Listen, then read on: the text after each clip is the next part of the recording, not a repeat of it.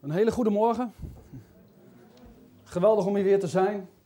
Ik vind het een eer om met u midden te mogen zijn en om het woord van God met u te delen. Ik vind het altijd heel bijzonder hoe de Heer me geroepen heeft om dit te doen. Ook de mensen thuis, van harte welkom bij Without Limits. Misschien uh, heeft u een dvd gekregen waar u op dit moment naar kijkt of zelf gekocht. Ik wens u ook God zegen met deze bijzondere boodschap. Ik wil deze ochtend iets dieper ingaan op wat de Heilige Geest in ons dagelijks leven voor ons kan betekenen. Ik wil me voornamelijk richten op wie de Heilige Geest is, wat zijn taak is en hoe we zijn stem kunnen verstaan.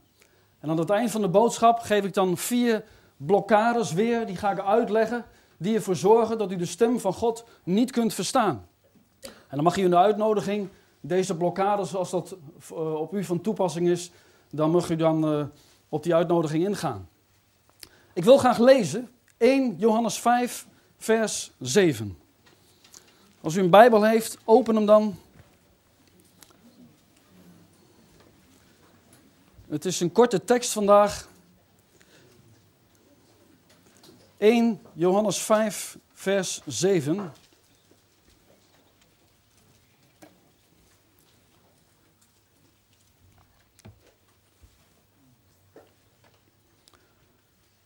En daar staat, want drie zijn er die getuigen in de hemel. De Vader, het Woord en de Heilige Geest.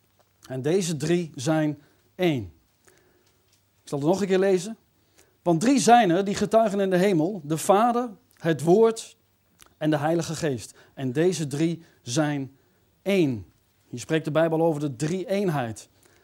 Laten we het nog een keer lezen met elkaar hardop, ja?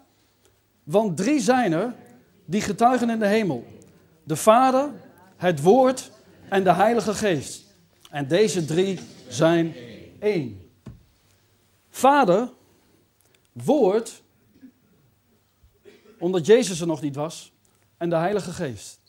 Eén God, maar met drie verschillende functies. God als Vader, God als het Woord. In het begin was het Woord en het Woord was bij God en het Woord was God, zegt Johannes 1. En de Heilige Geest en Jezus werd later het vlees geworden woord. Nou, er wordt veel gesproken over de Vader. Er wordt nog veel meer gesproken over de Zoon Jezus, die voor ons aan het kruis stierf. Maar er wordt niet zo vaak gesproken over de Heilige Geest. En wat betreft de Heilige Geest moeten we geen genoegen nemen met wat een ander zegt wie hij is. Want er zit vaak een groot verschil in. De een ziet de Heilige Geest als de kracht achter het spreken in tongen. De ander ziet de Heilige Geest als iets wat emoties teweeg kan brengen. En ook zijn er mensen die de Heilige Geest zien als de bestuurder van tekenen en wonderen. En er zijn er ook nog mensen die de Heilige Geest associëren met allerlei manifestaties. Wij bepalen vaak voor onszelf wie de Heilige Geest is aan de hand van hoe hij ons emotioneel beïnvloedt. Maar we geven hierdoor een verkeerd beeld weer van wie hij werkelijk is. En dat is net als zegen. We zien vaak de zegen, het huis, de auto en het geld als de zegen. Terwijl het niet de zegen is. Het is misschien een gevolg van de zegen, maar het is niet de zegen zelf. Als wij naar buiten kijken en we zien de bomen heen en weer bewegen, dan is dat ook niet de wind. Het zijn de bomen die heen en weer bewegen, als gevolg van de wind. Nou, zo is ook het spreken in tongen, emotioneel worden, of lachen of vallen in de geest, of wat voor manifestatie dan ook, ook niet de Heilige Geest zelf. Wij zeggen vaak, oh dat is de Heilige Geest. Maar dat is niet waar. Het is vaak een emotionele reactie op de tegenwoordigheid van de Heilige Geest. En nog moeten we voorzichtig zijn. Want soms ligt er iemand te schudden op de grond. En dan zeggen ze dat is de Heilige Geest. Maar dan blijkt het achteraf een demonische geest te zijn. En moet deze persoon bevrijd worden in de naam van Jezus. Nou, soms zijn manifestaties uit het vlees. Mensen kikken erop. In iedere dienst, bij iedere conferentie gaan ze weer naar voren. Het geeft een, een goed gevoel voor een avond. Maar wat heb je dan geleerd? Heeft dat goede gevoel je opgebouwd? Heb je er iets aan gehad waardoor je betere keuzes maakt in je leven en een zegen bent voor andere mensen? Heeft het je geloof versterkt? Brengt het vrucht voor, voort? Nou, hieraan kunnen we toetsen of iets van de geest is of van het vlees. Nou, ik ben helemaal niet tegen manifestaties, begrijp me niet verkeerd. Als de Heilige Geest krachtig werkt, dan kunnen er dingen gebeuren die wij niet altijd begrijpen. Dat zagen we ook in Handelingen 2. In Handelingen 2, waar de Heilige Geest over de apostelen kwam. En plotseling stonden ze in vuur en vlam. Werden ze vervuld met de Heilige Geest en gingen ze in andere tongen spreken. Ze gingen het evangelie verkondigen. Mensen waren aangeraakt en velen aanbidden God. En ze loofden en prijsden de Heer. Ze deelden dingen met elkaar en ze waren dagelijks met het woord bezig. En er waren vele tekenen en wonderen. Maar dat kwam niet omdat ze gericht waren op tekenen en wonderen. Het evangelie van Jezus Christus gaat over zonde, schuld, vergeving en verlossing. Daar waren ze op gericht. En door de toespraak van Petrus waren velen diep in hun hart getroffen en zeiden ze: Wat moeten we doen? En Petrus zei: Bekeert u en laat u dopen. Bekeert u en laat u dopen. Wel, als u bekeerd bent, geef u dan op voor 9 november en laat u dopen. En het gevolg was in Handelingen 2 dat 3000 zielen werden toegevoegd. Niet omdat zij een wonder zagen, niet omdat ze iemand zagen manifesteren, maar omdat zij het woord van God hoorden. En geloof komt door het horen van het woord. Nou, wie is de Heilige Geest? De Heilige Geest is dus geen manifestatie.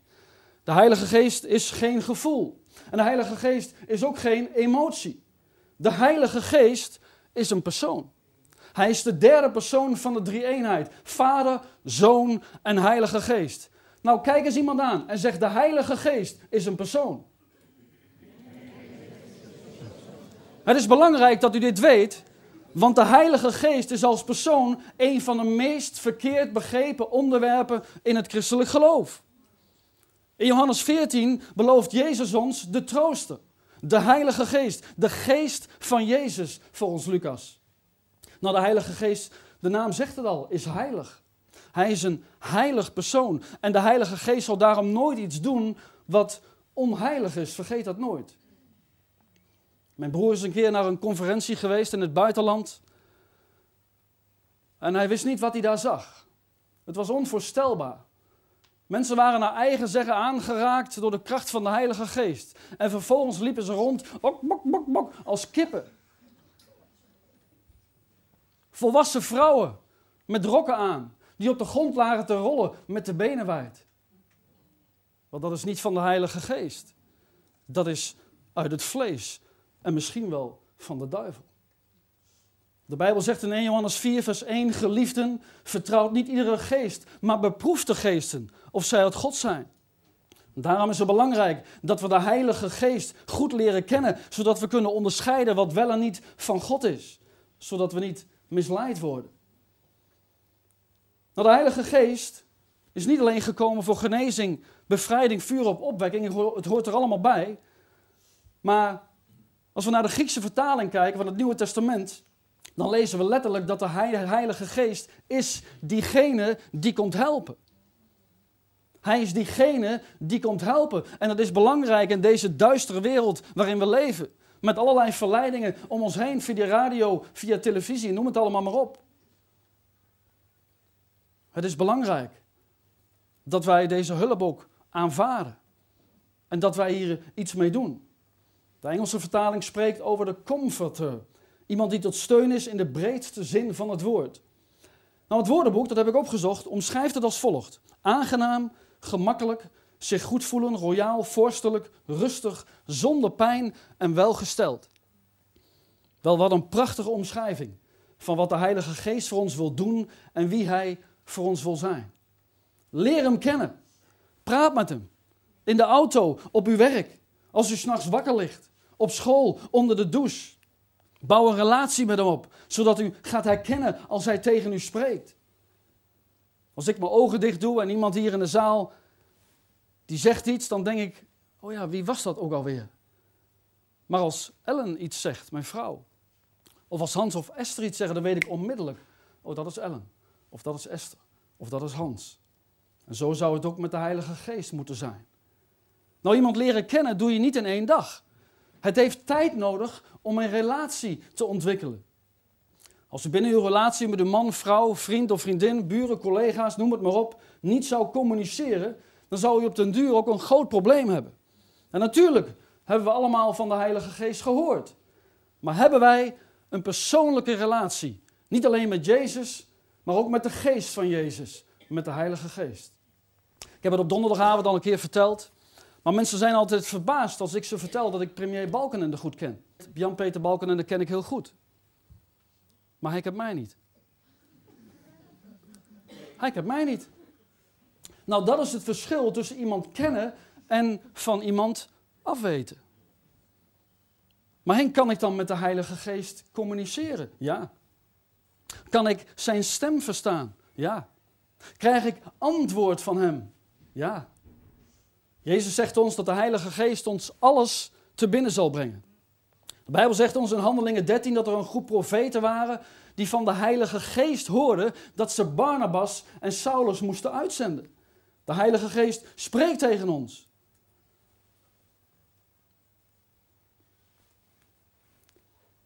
Nou, soms redt het zelfs levens. Ik hoorde van een voorganger, hij vertelde dat hij op de bank zat de Bijbel te lezen. En plotseling hoort hij de stem van de Heilige Geest. En die zei, ga naar boven. En hij legde de Bijbel neer en hij ging naar boven. En op het moment dat hij op het overloop aangekomen was, hoorde hij een plons in de badkamer. En zijn kleine zoontje, wat, dat was over de rand van de volle badkuip gekropen en was met zijn hoofd naar beneden in de badkuip gevallen. Maar het probleem was dat dit jongetje een zwembandje om had. Het was onmogelijk voor dat kind om zelf weer overeind te komen. En hij haalde snel het kind eruit en het kind werd gered. Doordat deze vader de stem van de Heilige Geest verstond. Vorige week nog was ik uitgenodigd voor een inwijdingsdienst bij ons in de buurt. En dan sprak ik een man en hij vertelde dat hij een hele goede slaper was. Hij zegt, als ik naar bed ga, dan val ik in slaap en de volgende ochtend word ik weer wakker. Nou, persoonlijk heb ik dat niet. Ik ben meestal wel twee of drie keer wakker. Vind ik ook niet erg. Ik ben eraan gewend. Maar hij slaapt altijd heel goed door. En hij vertelde op een dag werd ik s'nachts om twee uur wakker. Hij zegt, onmiddellijk hoorde ik de stem van de Heilige Geest. Die zei, ga naar de slaapkamer van je zoontje en doe het onmiddellijk. En hij wierp de dekens af, ging onmiddellijk naar de slaapkamer van zijn zoontje. En toen hij daar aangekomen was, toen was zijn zoontje bezig om te stikken.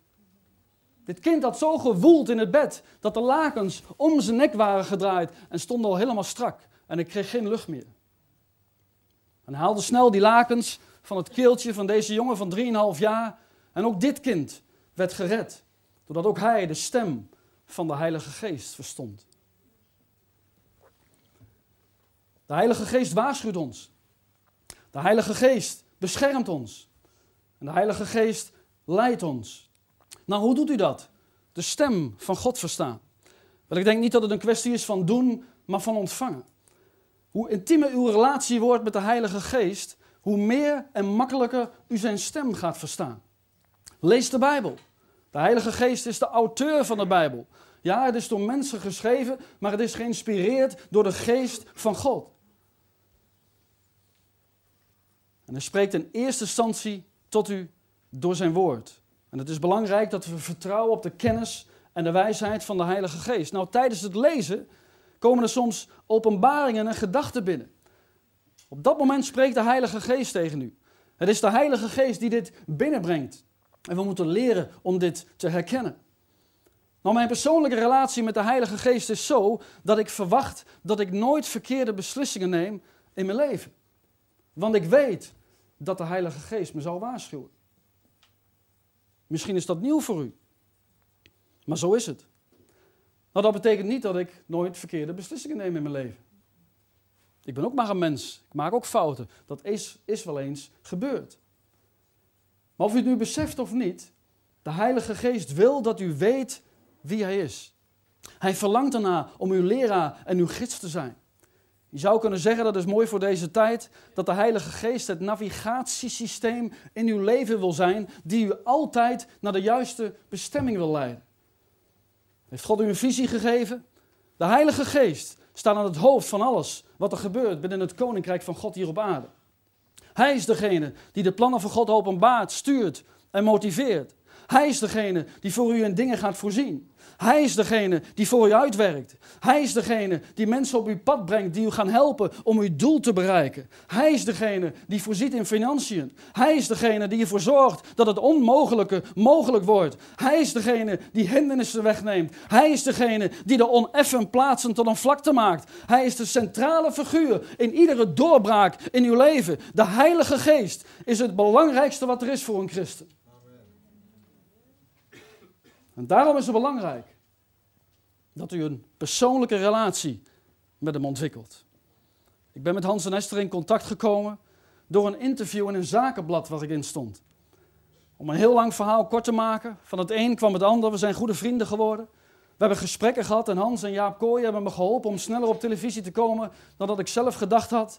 En vandaag sta ik hier om het woord te brengen en om een televisieprogramma op te nemen. Alles geleid en samengebracht door niemand minder dan de Heilige Geest.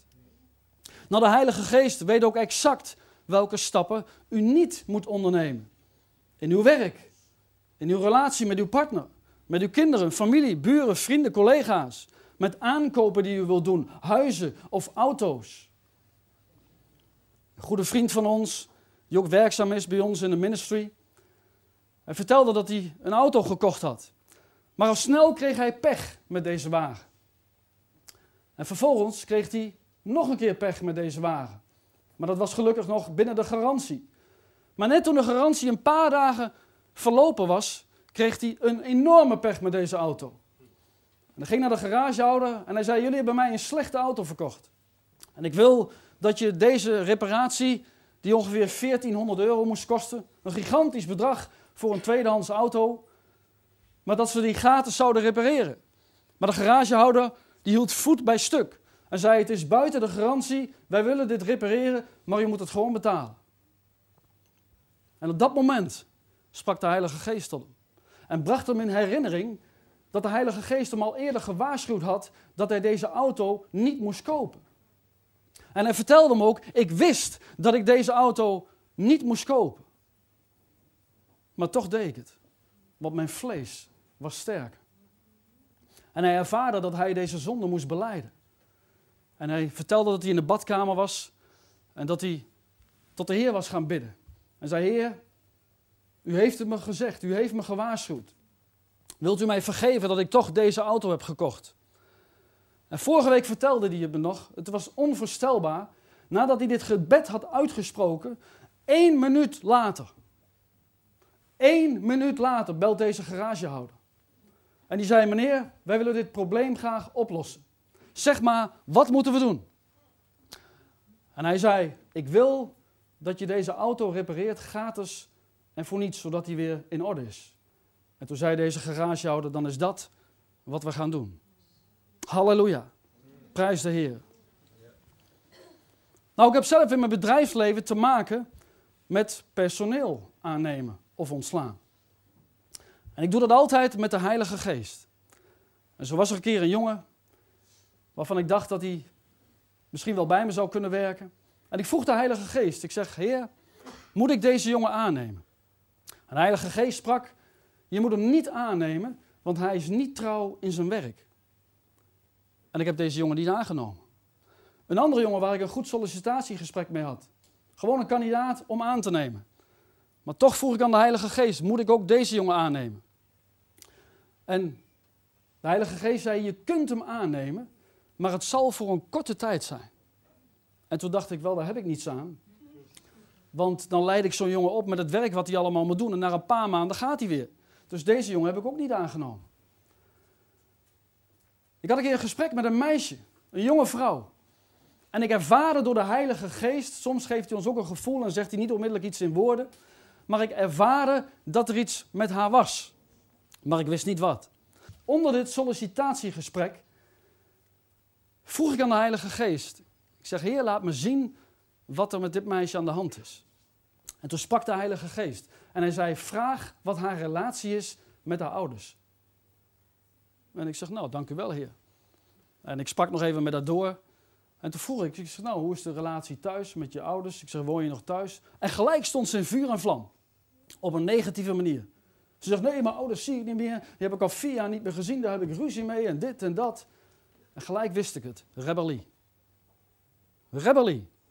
En toen dacht ik, als iemand dan niet onder autoriteit kan staan van haar eigen ouders, hoe moet ze dan onder autoriteit staan van een werkgever?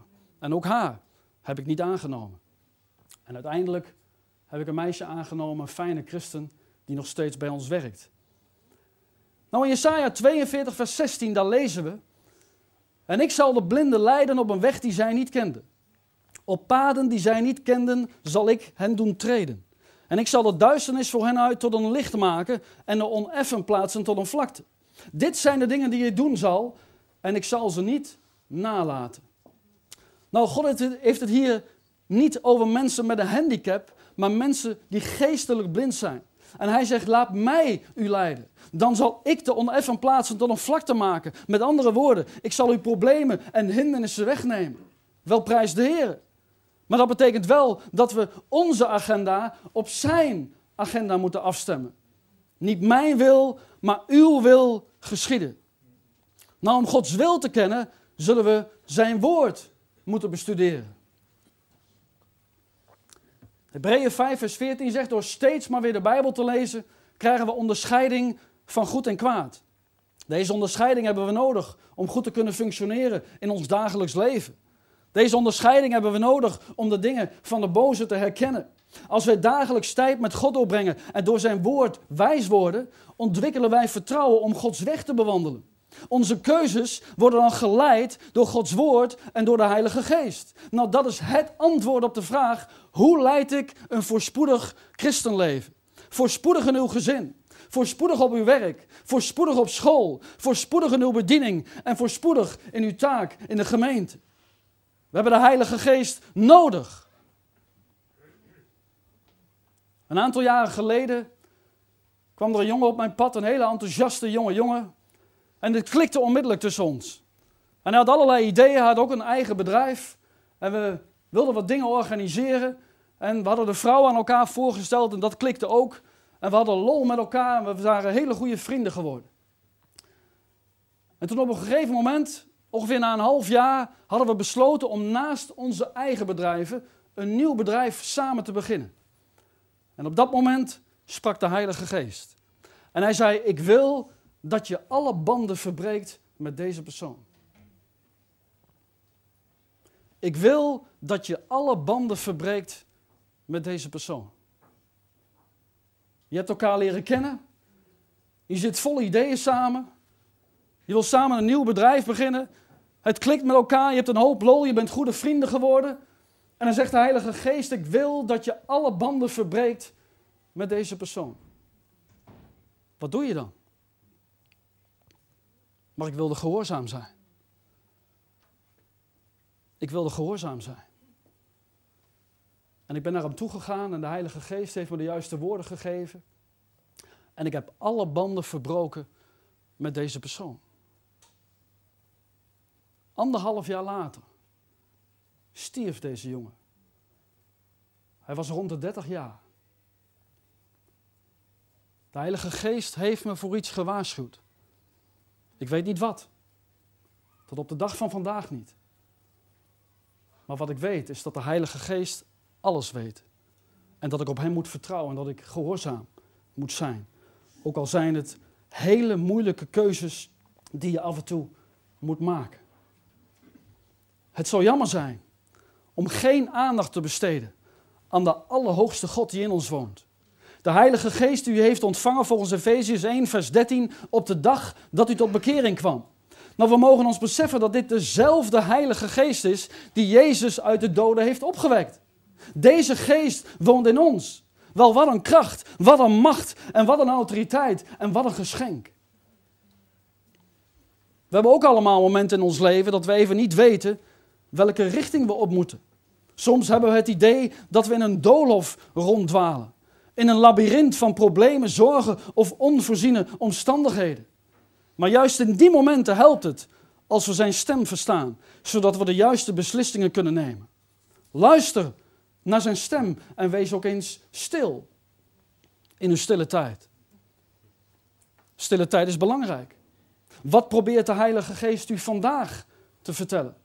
Wat probeert de Heilige Geest of waar probeert Hij u vandaag voor te waarschuwen? Praat met Hem en luister naar Hem. Gebed is geen eenzijdige communicatie. In uw gebed kunt u de Heilige Geest de kans geven om tot u te spreken. Maar wat wij vaak doen is, Heer wilt u dit, Heer wilt u dat, Heer wilt u zus, Heer wilt u zo, en zegen die en zegen dat, en maak dat in orde. Halleluja, bedankt, amen. En de Heilige Geest wil tegen ons spreken, God wil ons richting geven, en we zijn alweer weg. We hebben al amen gezegd. Maar u zult verbaasd zijn als de Heilige Geest de oplossing geeft voor uw probleem op dat moment. We laten tegenwoordig heel gemakkelijk toe dat we geen tijd hebben voor stille tijd, omdat onze agenda te vol is. Als we wakker worden, zit ons hoofd al vol met dingen die we allemaal moeten doen die dag. En vaak zijn dat juist de mensen die alles voor elkaar lijken te hebben. Maar als dit een routine wordt, dan volgt u op de duur uw eigen agenda in plaats van dat van God. En u wordt geestelijk steeds zwakker. En hoe zwakker u wordt, hoe meer Satan de ruimte krijgt. En vroeg of laat komt u dan in een probleem. Maar als u de stem van God niet kunt verstaan, dan heeft dat een oorzaak. Iedereen kan de stem van God verstaan. Iedereen kan de stem van God verstaan. Ik sprak een keer in het noorden van het land. En het was een, een evangelisatiedienst. En aan het eind van de dienst deed ik een uitnodiging om Jezus aan te nemen. En ik vergeet het nooit weer. Tien mensen namen Jezus aan. En ik, ik bad mijn gebed nog even door en vlak voordat ik amen zei, sprak de Heilige Geest. En hij zei tegen me, ik wil dat je nog één keer deze uitnodiging doet, want er is nog één iemand die mij wil aannemen. Dat is wat hij zei. En ik zeg wel, dank u wel, Heer. En ik deed nog één keer die uitnodiging. Ik zei, ik wil toch nog vragen is er toch nog iemand die Jezus wil aannemen? Dan wil ik u nog een kans geven voordat ik amen zeg. En gelijk op de achterste rij, een jonge man stak onmiddellijk zijn hand omhoog. De enige van de hele zaal. Dat was de elfde persoon. God wil dat niemand verloren gaat. Misschien zijn hier mensen die Jezus nog niet kennen. Misschien zijn er thuis mensen die Jezus nog niet kennen. Wel, punt 1 heeft u dan geen eeuwig leven en bent u op weg naar de hel. Maar punt 2 heeft hij ook de Heilige Geest niet. De Heilige Geest die zo belangrijk is, vooral in de wereld waarin we vandaag leven. Nou, het bijzondere van dit verhaal wat ik net vertelde, was dat ik na de dienst naar mijn boekentafel ging om wat dvd's te verkopen. En toen kwam er een man naar me toe. En hij zei, het was onvoorstelbaar wat u deed. Ik zeg, wat bedoelt u meneer? Hij zegt, toen jij die uitnodiging deed om Jezus aan te nemen, hij zegt, en al die mensen namen Jezus aan. Hij zegt, toen bad jij nog even door. Ik zeg, ja, dat klopt. Hij zegt, op dat moment stootte mijn dochtertje mij aan. Een meisje van nog geen tien jaar. En die zei, papa, papa, je moet naar die man gaan. Hij, hij moet nog één keer een uitnodiging doen, want er is nog één iemand die Jezus wil aannemen. Een kind. Een klein meisje die exact hetzelfde hoorde van de Heilige Geest, wat hij tot mij had gesproken.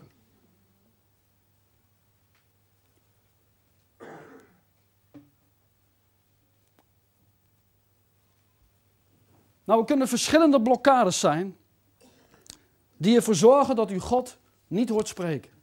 En ik wil graag de vier belangrijkste met u doornemen. Als u pen en papier heeft, kunt u het opschrijven. Ten eerste, ongeloof. Ongeloof. U zal nooit de stem van God verstaan als u een ongelovig hart hebt. Sommige mensen vallen af van hun geloof doordat ze tegenslagen hebben in het leven. Of ze bidden en het gebed wordt niet verhoord, waardoor ze gaan twijfelen. Ze geloven met hun verstand, maar niet met hun hart. Maar Hebreeën 3, vers 12 zegt ons dat we geen ongelovig hart moeten hebben. Ik geloof niet omdat ik het zie, maar ik geloof omdat God het zegt. En ik geloof omdat de Bijbel het zegt. En ik vertrouw God. Paulus zei ook: Ik wandel in geloof, niet bij wat ik zie. Als ik 200 mensen de handen opleg en ze sterven allemaal, dan zal ik nog altijd geloven dat de volgende die ik de handen opleg wel geneest. Want ik weet heel goed wat Henk van Zon kan doen en wat Jezus kan doen. Ik genees geen mensen, God geneest mensen. Nou, sommige mensen zeggen dat het onmogelijk is om de stem van God op die manier te verstaan. Maar zolang u dat blijft zeggen, zult u de stem van God nooit verstaan. Er zijn genoeg talen in de wereld die u nog nooit door iemand hebt horen spreken. Maar dat wil niet zeggen dat deze talen niet bestaan. U gelooft wel, maar tot op zekere hoogte. U gelooft in God, u bent gered, maar hebt het woord van God nooit in geloof ontvangen. Nou, we hebben een nieuwe boodschap gemaakt en dat is deze. Mij geschieden naar uw woord. Deze boodschap gaat erover hoe wij in geloof de beloftes van God kunnen ontvangen. Een hele krachtige en ik denk belangrijke boodschap. Nou, in deze boodschap, daar leg ik iets uit. Dan vertel ik, stelt u zich eens voor dat u drie dagen niet gegeten hebt. En dan, uw man of vrouw zet een bord eten op tafel met uw favoriete eten. En u gaat aan tafel zitten, u neemt mes en vork erbij. En dan zegt u het volgende. Dan zegt u, ik geloof dat als ik dit bord eten leeg eet, dat ik dan geen honger meer heb. Nou, op dat moment spreekt u de absolute waarheid. En u gelooft voor 100% wat u zegt. Maar u heeft nog steeds honger. U heeft nog steeds honger. U zult dat bord eten daadwerkelijk van binnen moeten ontvangen om uw honger te stillen. En zo is het ook met het woord van God. En in deze boodschap leg ik uit hoe dat allemaal precies in elkaar zit. Nou, Marcus 11, vers 23 zegt ook: Geloof dat gij het ontvangen hebt en het zal geschieden. Er staat niet gelooft en het zal geschieden. Nee, er, zegt, er staat geloof dat gij het ontvangen hebt en het zal geschieden. Nou, in Romeinen 4, vers 20 lezen we dat Abraham nooit twijfelde aan de belofte van God, maar dat hij werd versterkt door zijn geloof en God de eer gaf. Nou, Jezus zegt ons dat de Heilige Geest ons alles te binnen zal brengen. Als Jezus dat zegt, dan is dat ook zo. En als u dat niet gelooft, dan gelooft u dus het woord van God niet. Nou, als u het woord van God niet volledig gelooft, dan heeft u er ook geen volledig vertrouwen in. En u stelt steeds meer vragen. U trekt alles in twijfel. Gelooft steeds minder. En dat is precies wat Satan wil. Hij wil u zwak maken door ongeloof. Door ongeloof zult u geen rust en vrede ontvangen. Door ongeloof zult u geen blijdschap en vreugde ontvangen. Door ongeloof zult u niet gauw genezing ontvangen. Door ongeloof zullen uw gebeden niet verhoord worden. Door ongeloof komt er geen doorbraak in uw leven en door ongeloof zult u de stem van God niet verstaan. Trouwens, waarom zal God tot iemand spreken als u toch niet gelooft wat hij zegt? Maar laat het niet toe. Maar word net als Abraham. Twijfel niet en word versterkt door, door uw geloof. En hoor van God, want hij wil tot u spreken. Amen. Amen. Halleluja. Dan als tweede. Een onontwikkelde geest. Je kunt de stem van God niet verstaan als je een onontwikkelde geest hebt.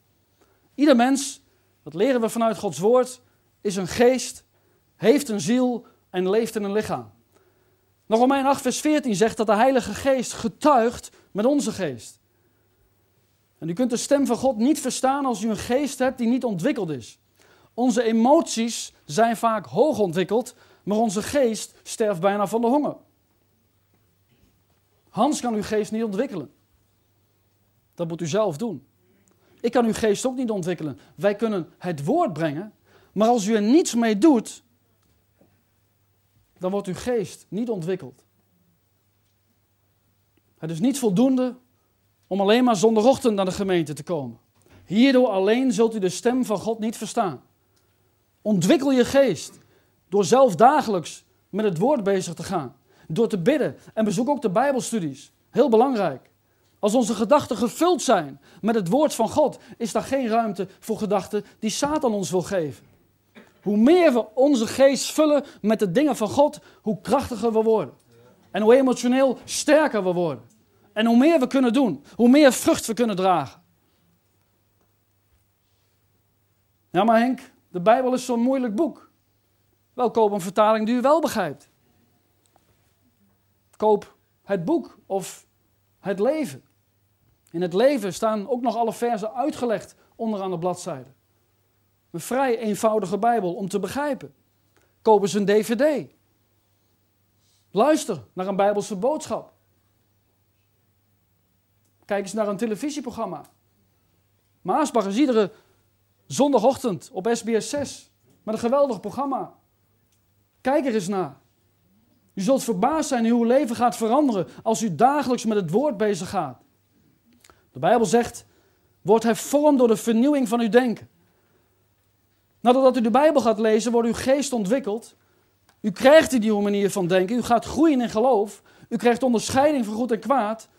En de Heilige Geest gaat door zijn woord tot u spreken. Daar begint het mee. Joshua 1, vers 8 zegt: Overpijns de Bijbel dag en nacht. Met andere woorden, wees dagelijks met het woord bezig. En handelt nauwgezet overeenkomstig hetgeen erin geschreven staat. Dus doe wat het woord van God zegt. Wel, wat dan? Wel, dan staat er, want dan zult gij op uw wegen uw doel bereiken en zult gij voorspoedig zijn. Dat is toch wat wij allemaal willen. Willen we toch allemaal graag voorspoedig zijn? Heeft u een probleem? Kijk wat de Bijbel erover zegt. Kijk wat de Bijbel erover zegt. In plaats van wat Dr. Phil of Oprah Winfrey erover te zeggen hebben. God heeft ons geschapen en hij heeft er een gebruiksaanwijzing bijgegeven. Zoek de verwijzingen nabij. Herhaal in uw gedachten wat u gelezen hebt. Maak het u eigen. Koop een boek of een dvd over dat onderwerp. Word één met het woord van God. Lees het, leer het en doe het.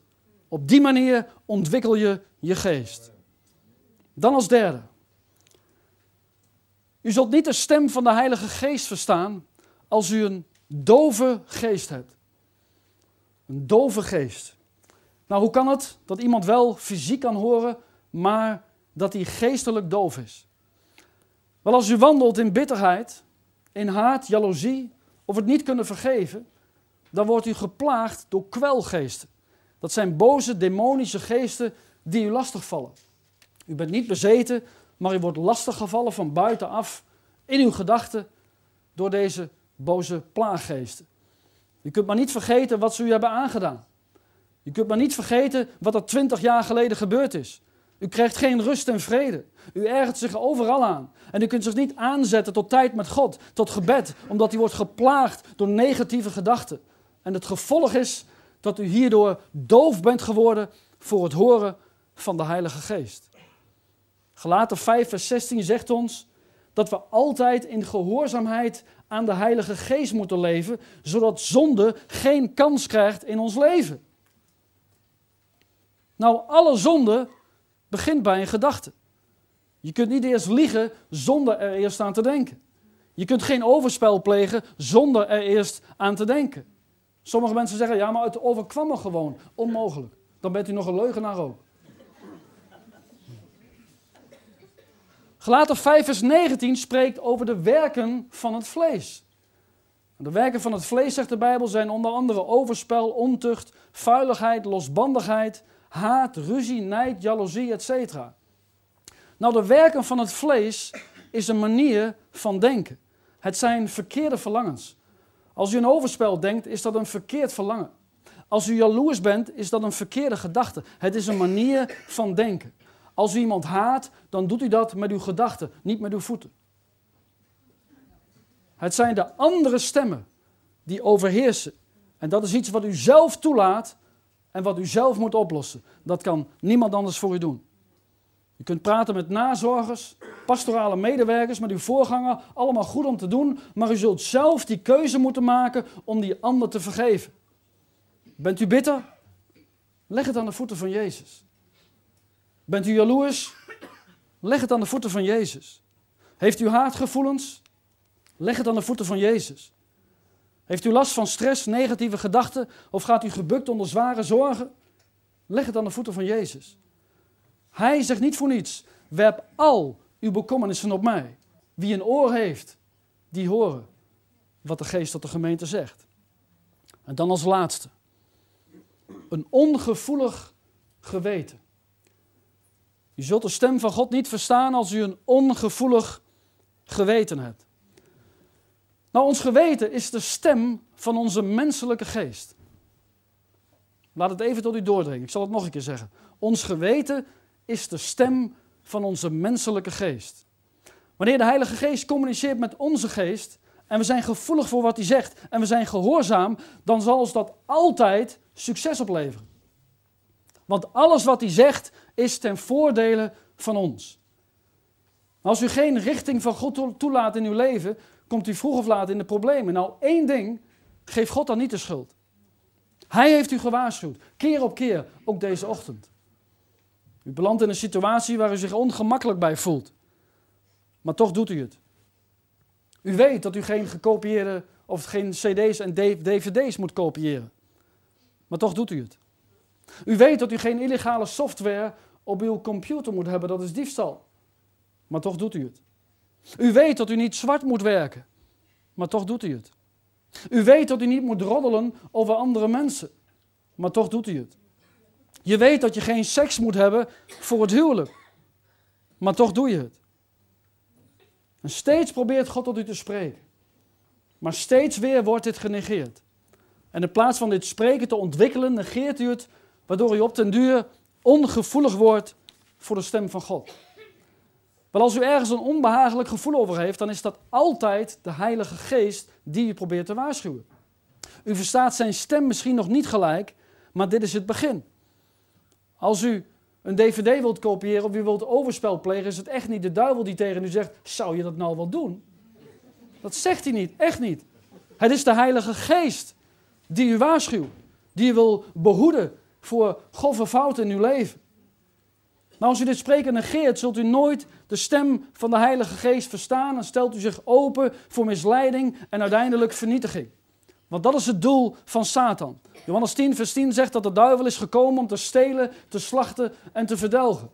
En we lezen dat de duivel rondgaat als een brullende leeuw, zoekende wie die zal verslinden.